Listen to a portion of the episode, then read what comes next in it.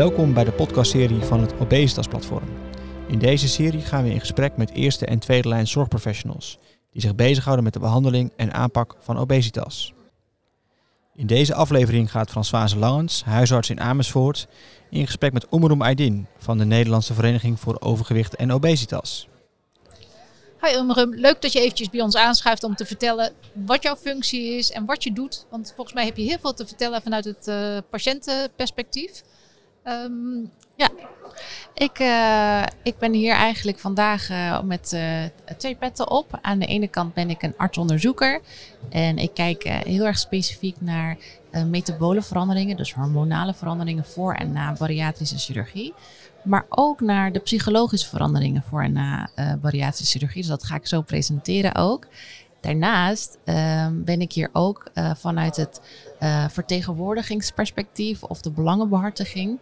wij zijn sinds kort bezig met het oprichten van de NVOO de Nederlandse Vereniging voor Overgewicht en Obesitas. En wij willen eigenlijk ons met volle macht inzetten om mensen die lijden aan overgewicht en obesitas te vertegenwoordigen en hun belangenbehartiging te professionaliseren. Ja, want is dat tot nu toe belangenbehartiging geweest in Nederland? Uh, er is zeker, er zijn heel veel initiatieven um, op dit moment um, die zich hiervoor willen inzetten. Alleen het grootste probleem is dat er uh, nog geen grote gemeenschap bestaat uh, van mensen met overgewicht en obesitas die zich zelf organiseren om hun belangen goed uit te spreken. en dat heeft te maken met het stigma. Dus dat er eigenlijk een heel groot stigma zit op het hebben van obesitas. Uh, waardoor mensen terughoudend zijn om uh, dat te vragen waar zij recht op hebben en wat ze nodig hebben. Ja, dat is best wel schrikken eigenlijk, hè? dat zo'n stigma zelfs hier invloed op heeft. Ja, ja. Ik had het uh, eigenlijk zelf niet door. Ik ben daar uh, in terechtgekomen vanuit uh, mijn onderzoek, als het ware. Ik sprak heel veel mensen voor mijn studie, maar ik heb ook op de poly, polykliniek gewerkt en daar ook heel veel mensen gesproken. En het verbaasde mij um, als arts zijn dat ik mijn patiënten daar uh, nergens heen kon verwijzen uh, waarbij ze ook uh, met andere mensen contact konden hebben en ervaringen konden uitdelen. dat terwijl iemand met diabetes bijvoorbeeld of een hartaandoening, die kan bij elke deur heel makkelijk aanknoppen en die krijgt daar ook heel veel sympathie voor. Ja, want dat, dat ontbreekt misschien ook hè, vanuit de hulpverleners. Ehm, obesitas is misschien een beetje het gevoel van eigen schuld. Los het maar op. Ja, ja eigen schuld, dikke bult. Uh, elk pondje gaat door het mondje. Uh, het, zijn, het zijn echt spreekwoorden die uh, ongegrond zijn als je het mij vraagt. wij vinden heel erg dat we met z'n allen meer moeten bespreken over overgewicht en obesitas en welke gezondheidsrisico's daarbij komen. Maar ook dat het ehm, niet alleen maar een kwestie is van meer bewegen en minder eten. Daar komt zoveel meer bij kijken. Het is een probleem wat ontstaat uit allerlei verschillende aspecten. Je hebt uh, leefstijl als in uh, slaappatroon, je hebt uh, genetische aanleg, je hebt stresshormonen die je vatbaar maken voor overgewicht. maar ook mentale situaties, hè, depressie of medicaties. Daar hebben heel veel dingen mee te maken. Ja, en wat is nou het allerbelangrijkste wat je wil meegeven aan de luisteraars over dit congres als eerste? Over dit congres. Ik, uh, wat, ik, wat mij heel erg opviel hier is eigenlijk dat we uh, ontzettend breed spectrum hebben aan onderwerpen. Uh, dus het gaat van heel uh, chemisch naar hè, bepaalde bloedstofjes die ze hebben gemeten naar psychologie. maar ook wat we net zagen was een presentatie over social media en dat het voedsel wordt gepromoot ook op TikTok en Instagram. En dat dat heel veel impact heeft bij obesitas onder de jeugd. En ik, dat besefte ik me eigenlijk niet, dat dat natuurlijk een nieuw platform is. Waar mensen uh, ook weer blootgesteld kunnen worden aan bijvoorbeeld uh, voedselmarketing. Ja. Zou we zo'n platform ook nog positief kunnen gebruiken om uh, stigmatisering te voorkomen? Of ja. is dat echt iets voor de toekomst? Nou, ik denk dat we daar, daar moeten we zeker meer aandacht aan besteden. En uh, ik denk wel dat je dat zeker kan gebruiken nu we er steeds meer bewust van worden. We proberen ook eigenlijk niet meer te zeggen uh, uh, een obese persoon. Hè. We willen heel erg dat dat losgekoppeld wordt van elkaar. Want iemand met obesitas is gewoon iemand met een aandoening. Iemand met een eh, fysieke aandoening.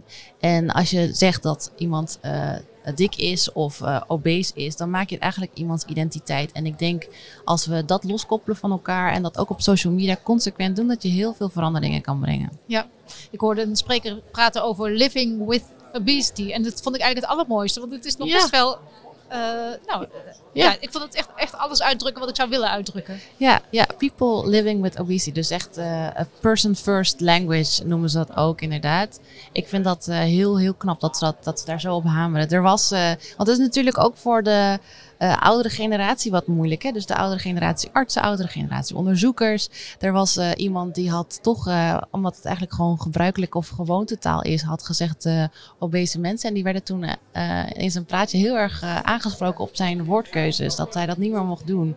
En ik vond dat heel sterk. Ik vond ja. dat heel sterk. Ja.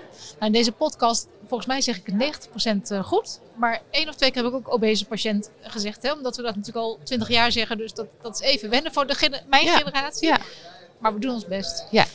Jouw collega of met iemand met wie je samenwerkt, gaat daar, ook meer over zeggen. Maar je wilde nog over een bepaalde activiteit heel kort iets zeggen? Ja, ja wij uh, samen met Stichting Overgewicht en de NVO uh, gaan we een debat organiseren. En uh, hij gaat ja, daar heel veel over vertellen zometeen. Um, en als laatste wat ik dan misschien nog zou willen meegeven is, we gaan met de NVO live in de zomer met een platform, een social platform. Want we willen eigenlijk hè, de community wat ik net besprak onder de aandacht brengen. En we willen graag mensen samenbrengen, dat ze elkaar kunnen vinden, ervaringen kunnen uitwisselen in een veilige omgeving. En wij hopen hun dat te kunnen bieden na de zomer. Dus uh, stay posted. Ja, leuk. Nou, heel erg leuk. Hoe komen wij er eigenlijk achter? Uh, waar kunnen wij vinden of jullie gaan starten? Is dat ook via het Obesitas platform misschien? Ja, zeker. Hou het Obesitas platform uh, in de gaten. Um, dat is uh, zeker waar. Wat je ook kan doen is je kan uh, bij www.nvoo.nl een e-mailadres achterlaten dat je geïnteresseerd bent om de updates te volgen. En dan houden we je op de hoogte. Maar ook volg ons op social media, Instagram, Facebook. Wij doen ook mee. En TikTok? Uh, TikTok, ja, dat is dus nieuw voor mij. Ik ga daarover nadenken. Misschien moeten we dat ook maar eens gaan proberen. Ja, betekent gewoon dat je een beetje oud aan het worden bent. Ja, ik weet het. Ik weet het. Het is ook voor mij mijn generatie. Ja. Hey, dankjewel. En leuk. En we gaan jullie volgen. Oké, okay, super bedankt voor de tijd. Oké, okay, tot ziens. Hoi. Ga voor meer informatie, nieuws, webinars en e-learnings naar www.obesitasplatform.nl en meld je aan voor de maandelijkse nieuwsbrief. Volg ons via LinkedIn en Twitter en abonneer je voor deze podcastserie via Apple Podcast of Spotify. Heel graag tot de volgende aflevering.